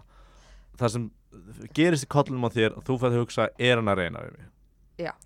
Ok. Ef hann kemur svo með eitthvað múð þar sem ég bara að hann er að reyna við mig. Mm þá nenni ég sér ekki lengur. Af hverju? Nei Er það út að það er ekkert haldið með sleftu mér Er það út að það er ekkert, ekkert challenge Er þetta of auðvelt Ég er bara að reyna af á þá hvað er gerast í af því að þá fer ég þá fer hugsun úr því að vera byrju, er þetta byrju, er hann nei, hann er ekki byrju, hann er, nei, hann er ekki. Þú veist það. Já, já, já. Yfir í vil ég þetta, vil ég þetta ekki? Vil ég þetta, vil ég þetta ekki? Mm, og ég, það þarf að forðast að ég sé að hugsa það af því að þá, það er bara svartól þá er ég bara, nei, ég vil þetta örglega ekki. Það er fárlega áhugavert mm mm þannig, að- þannig að spurningi sem heldur þér heitri er Er hann að reyna við mig? Sem er sem er the sem er, game. sem, er, sem er the game. Sem er the quest the quest for uh, hérna, acceptance oh, það er leiðin að samþyggi frá annari manneski og um leið og hún er kom með ég er hrifin að þér þá ferðu of mikið inn í þig að það, og þú eða samt líka svo fyrir hef ég líka alveg farið þú veist með gaur sem að ég hef áhuga og ég hef bara líka já, ég hef líka áhuga mm. svo bara það sem gerist síðan eftir að við erum búin að fara heim saman og það sem gerist í framhaldinu. Já. Þá verð ég svo sjúklega órug bara eins og með hann þennan þarna gaur Já. að þá bara þá var ég bara einhvern veginn svona já, að ég veit ekki er það ferði í eitthvað svona ping-pong bara ég veit ekki hvað ég vil eða ferði í ping-pong vil hérna eða ferði ping-pongið hvað vil hann uh, hvað vill hann? hvað vill hann? já, þannig að að þess því ég hef stöðugt með þannig að hausin minn er basically stöðugt á því að hugsa um hvað hann vill, hvað hann er að pæla hvað, í þess að vera eitthvað? Og vera bara, já, hvað ég, vil ég? Já, ég vil þetta, heyrðu þá ætlum ég að byggja um það. Já, já. Og hvað hann er að pæla er þá hvort að hann sé hrifin að þér. Já, mm. hvað hann sé að meina með því sem hann svarar og bla, Já. hvort hann hafi áhuga, á- áhuga á þér. Mhm. mm. þannig að einmitt, fókusum minn er bara allur á honum í staðis að vera að fókusun ætti að vera allur á mér. Og hann ætti að vera heppin að fá að vera með mér. Damn straight sister. For all those gamers out there. Uh, já, mm þannig að það er það sem gerist. Já. Bara- þetta var löngfæðing Já. En, kannski klippum við allt á milli og höfum bara þetta. Ég svari já, þessu bara þú sagði- strax. Ég get svarað þessu strax. Hann er í sambandi Já. Já, ok. Þá áskorun. bara býtu nú við, heimsbyggileg spurning hvað þú ekki líka að svara? Var- heimsbyggileg spurningur. E, Þetta var meira spurning til þín sko. Já, Ég bladra hann alltaf svo mikið skilu að ég, ég held mínum 50% af samtölum þótt að við sem að tala um þig sko. Ég var að skjóta ykkur í bull inn í. Já, mér er samt áhugavert ég vil heyra hvað nær þínum áhuga í Hvað Við erum með svo mikið af kvennkynslustundum og þau vilja, þær vilja potið allar einu við þannig að hvað ég var að gera til þess að e, veiða pálma litla Uh, vá, en hræðilega orðað Veiða pálma litla Hva, Er spurningi hvað stelpur eru að gera til að reyna um? Já. Þetta er ekki flóki, bara hvað koma að tala um mig sko Þetta er ekkert fókið, bara grípi í titlingin á mig Grípi til langa á mig og segja "Hey, við, við erum að við tvöðum að fara heim, vilt þú koma með? En þú veist, það er enginn að fara að segja mér að bara hvaða stelpa sem er sé að fara að koma upp að þér og bara eitthvað að reyna við og þú sért bara eitthvað I'm down. Bara, þú veist, ef, ef persónuleikar okkar tengjast, þá já. Eða Ok. þú veist, ef Ok, það kemur einhver stelpa sem minnst aðlegandi Já, auðvitað eru viss persónu einkenni sem minnst heillandi. Eins og hvað? svo uh, sjálfsöryggi að vera smá skrítin. Þurfa aðeins að láta bjarga sér. Þurfa að berga sér vera með fíkn uh, Bara eitthvað svona, venjulegt. búa úti á göttunni hafa verið á sjó en að Nei, um, Nei, einmitt þetta, vera sjálfsörug vera smá skrítin veist, mér finnst bara alltaf alltaf svolítið gaman að hérna, eitthvað svona sem ég skil ekki alveg Já. uh, en oft kemst maður bara að því eitthvað setna og hann bara eitthvað bara sé gaman að spjalla og Já. En ef það kemur upp að stelpa sem er ekki skrítin að reyna við þig er samt alveg skemmtileg já, mér finnst það líka bara mjög næs ok, og hvað feilar þá? Bara við tengjum mikið saman hvað, við fyrir mikið heim saman eða við, við erum mikið par? Já, þau eru ekki bara, akkur eru þið ekki saman í dag? Uh, ég er ekki með þessum stelpum uh, sem ég er ekki með. Hérna. Uh, bara þú veist út að ég, ég finn ekki fyrir neista, þetta er svo sorglegt að þú veist, ég farið þú veist, segjum bara síðasta ár það ég farið á fullt af deytum mjög minna svona síðustu mánuði en ég hef farið heim með einhverjum stelpum. Og það eru allar ógisla sætar og það eru allar ógisla skemmtilegar og það eru ógisla góðar manneskjur og það er ekkert að neittnir sem stelpu. Ok, þannig að Það hvað er, ekki- ég, ég er að koma að því. Jesus, ég er að mála mynd hérna. Af hverju er þessi mynd, ég er að mála hana. En að þú veist það aftur, það eru svo heillandi það eru svo fallegar, það eru svo sætar, það eru svo skemmtilegar. En það er bara eitthvað þú veist, eitthvað bara nisti sem ég finn ekki einhver spenna sem ég bara er ekki alveg með sko. Ok, en séðan eins og er það fíknihegðun að leita að spenna spennu, Já. milli mannesku að þurfa að vera spenna? þú veist, við erum ekki að tala um einhverja dæhard spennu við erum bara að tala um einhverja nesta á milli mannesku dæ Kynferðislega spenna? til dæmis en, en eins og, eins og ég, ég lendi í þessum daginn þar sem ég var bara eitthvað fór á date með indisleiri mannesku eitthvað annað date hjá okkur og, og hún er fyndin og skemmtileg og ég fer eitthvað af dateinu og ég fer einhvert annað og ég fer einhvert, þú veist, við, klárast og ég ég er eitthvað ráfandi um, um stræti stórborgar og hérna og Reykjavíkur? já, Já, hérna og ég er hérna ekki stórborg Æ, steinei, leið mér að vera ljóðræn Hérna Og ég er að hugsa mikið um bara Akkur finn ég aldrei fyrir þessu neista Já. Og, og er bara hérna Ég kannski bara geti ekki fundið fyrir hann Kannski bara geti ekki orðið ástangin Kannski geti ekki fundið fyrir þessu neista Kannski bara er hann ekki e, þú veist, hjá mér. En, en þá fór ég á einhvern stað og hitti einhverju stelpu og ég mítil, ég horfði í augun á hann og byrjaði að tala við hana og bara neisti komin og bara, ég var bara eitthvað hver ertu, hver er bara eitthvað svona, það var bara Ah. akkurat þegar ég þurfti á því að halda þegar öll von var úti. Já, þegar ég var að fara að hoppa í sjóin romantíslega séð, hérna þá bara hitti ykkur stelpu og var bara eitthvað og er þið hittast tala. núna? Nei, Hva, hvað gerist? hún uh, átti kærasta nei, hún var hún bara eitthvað, þú veist, við byrjum bara eitthvað að spjalla og, og sér fór hún heim, ég fór heim og vorum eitthvað að spjalla og hún hérna, voru svona eitthvað nýhættu sambandi og var ekki þú veist, spennt, eða þú veist, það var bara eitthvað ég þarf aðeins að anda bara eitthvað svona svoleiðis er það þá ekki að neistin koma því hún var unavailable og þannig er pray to catch? Nei, ég held að það sé bara þannig er bráð til þess að ná. Ég held að, vel gert. Hérna, pray to catch. Nei, ég held að bara út af hann er sæt uh, stelpa sem er aðast áhugaverð og við, við fórum líka mjög djúft strax sem er aðast áhugaverð er svo gott að vera típa sem er alltaf að efast um. Þú varst líka, ég var að segja, við fórum djúft saman og það var áhört og þú var svona að rúlla augun og fyrsta hausin ekki að hlusta.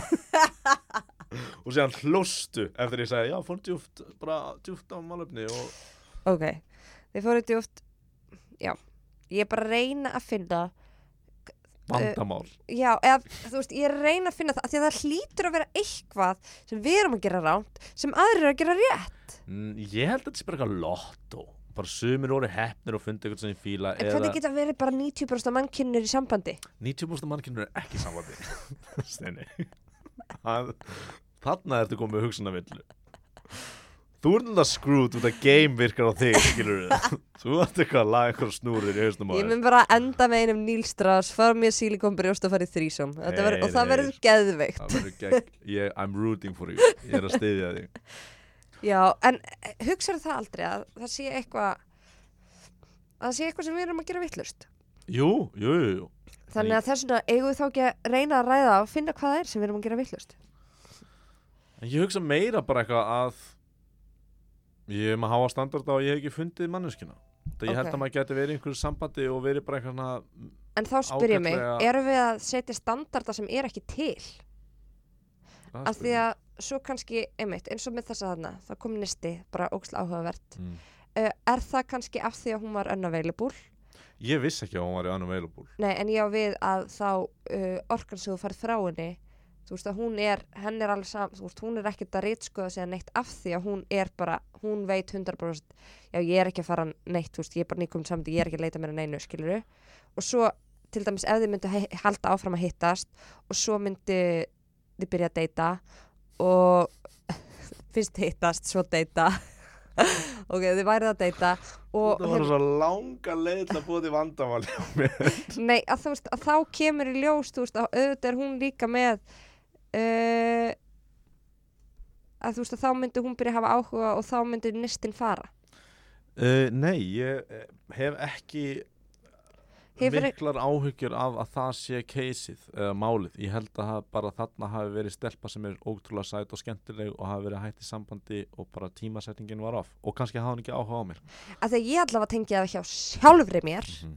að þegar ég er uh, bara stundum, þú veist, þá er maður í svona stuði þar sem maður er bara eitthvað alveg frjáls mm. og þá eru allir skotnir í manni á djamminu.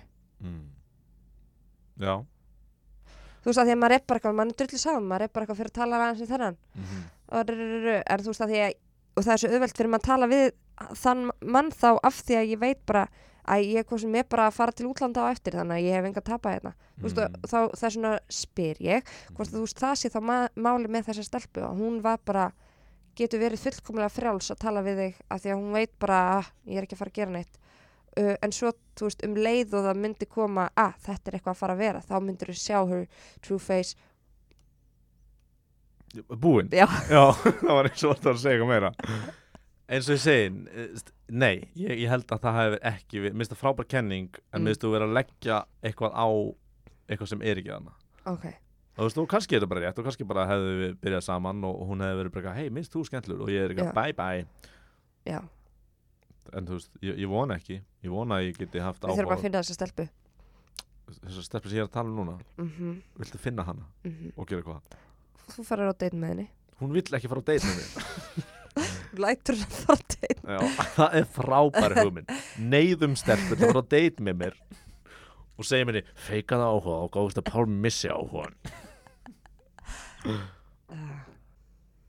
má, ég- má ég bæta líka einu við? Já. Ekki tengt þessu. Hérna, mannst ég áskorinu hans ég var að, að reyna við stelpinu sem var að vinna barnum og svo skilabóð af lesast ekki. Þannig að ég er alltaf núna þegar ég kveiki á Instagram er eins og sé einn skilabóð og það er alltaf sömu höfnuna skilabóðin frá henni sem ég þarf að íta á, opna fara úr, skoða Instagram aftur á váranum og þá er ennþá, hei, betur það er eitt skilabóð fer ég inn í skilabóðin, höfnunin hennar þarf að opna hana, fer út aftur fer aftur í Instagram, alltaf, það er fáránlegt. Þetta ég er búin að fá fleiri skilabóð eftir þetta en það er alltaf bara hennar sem er þetta, ég myndur á það daglega, þetta höfnunar þetta höfnunarverkefni það er það er ennþá. það er að hérna hu- hu- hunting you down. Já, já, já. Já, ymmit en þá komið þá komið áskorun. Já, er erum við komið niðurstöðu í þetta já, ég, eins og ég segi, ég er búin að crack you. Já, ég þó að þú viljir ekki ósammála. trúa því. já, vittu til. Já, við sjáum, kannski hitt einhverja sæta stelpi í framtíðin sem vill mig og ég áttur að fatta ég vill hann ekki út af því hún vill mig. En mér finnst mér finnst ógeðslega hot til að stelpur vilja mig. Það freaking kveiki svo mikið í mig það er það sem stelpur að það gera, eru bara hot fyrir mér ég, það er, gerir fárlega mikið fyrir mér. Fyrir mig. Aðdáðan stelpuna, mér er svo stundu þegar stelpur fara, veist, er að reyna við mig þá svona geri ég mig smá fjarlagan og þá fara meira að sækja í mig og það finnst mér bara hot wow, game player sko. Game player. Það er bara hot þegar stelpur eru eftir manni og strákar. Eða þú veist, eftir þér. Já, ég, já. Ef þeir eru cool. Já, en það er og ef þeir eru fyndnir. Já, já, það er hræðilegt að það er eitthvað eitthvað keisa eftir þér. Fylgstu samt með þessu? Ég fylgist með þessu, Já. þetta er áhugaður kenning eru þá komið að áskorun já. fyrir næstu viku. Ok, ég er með áskonum fyrir þig á hverjum degi núna f- frá því við erum uh, bara frá þessu podcasti til næsta þá ætti að senda mér skilabóð einu svona dag og ég ætla að senda þér eitthvað lag eða eitthvað myndband sem þú ert að horfa á og þú ert bara að horfa á og það er ekkert eitthvað kennsluefni eða eitthvað kannski er ég bara að senda þér eitthvað næs hip-hop lag eða eitthvað Það er bara það sem þú ert að gera. Ú, geðveikt Mhm. ok, ok ég er með áskorun fyrir þig Já. þú ert að skrifa á kvöldin uh, hvernig er leið um morgunin hvernig er leið í hátteginu og hvernig er líður núna um kvöldið? Mm, Á hverjum degi. ok, einhver dagbók eða bara hverjum er leið? Bara hvernig er leið, þú veist það má vera bara hérna, eitt orð, eitt orð, eitt orð. Þú veist það má vera aðeins meiri útskýring. Mm -hmm. uh, geggja, ég geggja það. Ok, takk fyrir okkur. Já, takk fyrir okkur og við sjáum þetta er búið að vera metlangt kannski, ef þú klippir þetta neður í döðlur hver veit? Þetta var hálftími Nei, ég held að ég leiði svo að standa. Það var mikið skemmtilegt þannig Já. ég, mm, Ekki ég sé að hrósa sjálfur mér. Nei. Samt smá, jú, ég má það. En við bendum hlustunum á að setja steinu í skilabók hvað þetta eru frábærið þættir. Takk fyrir okkur.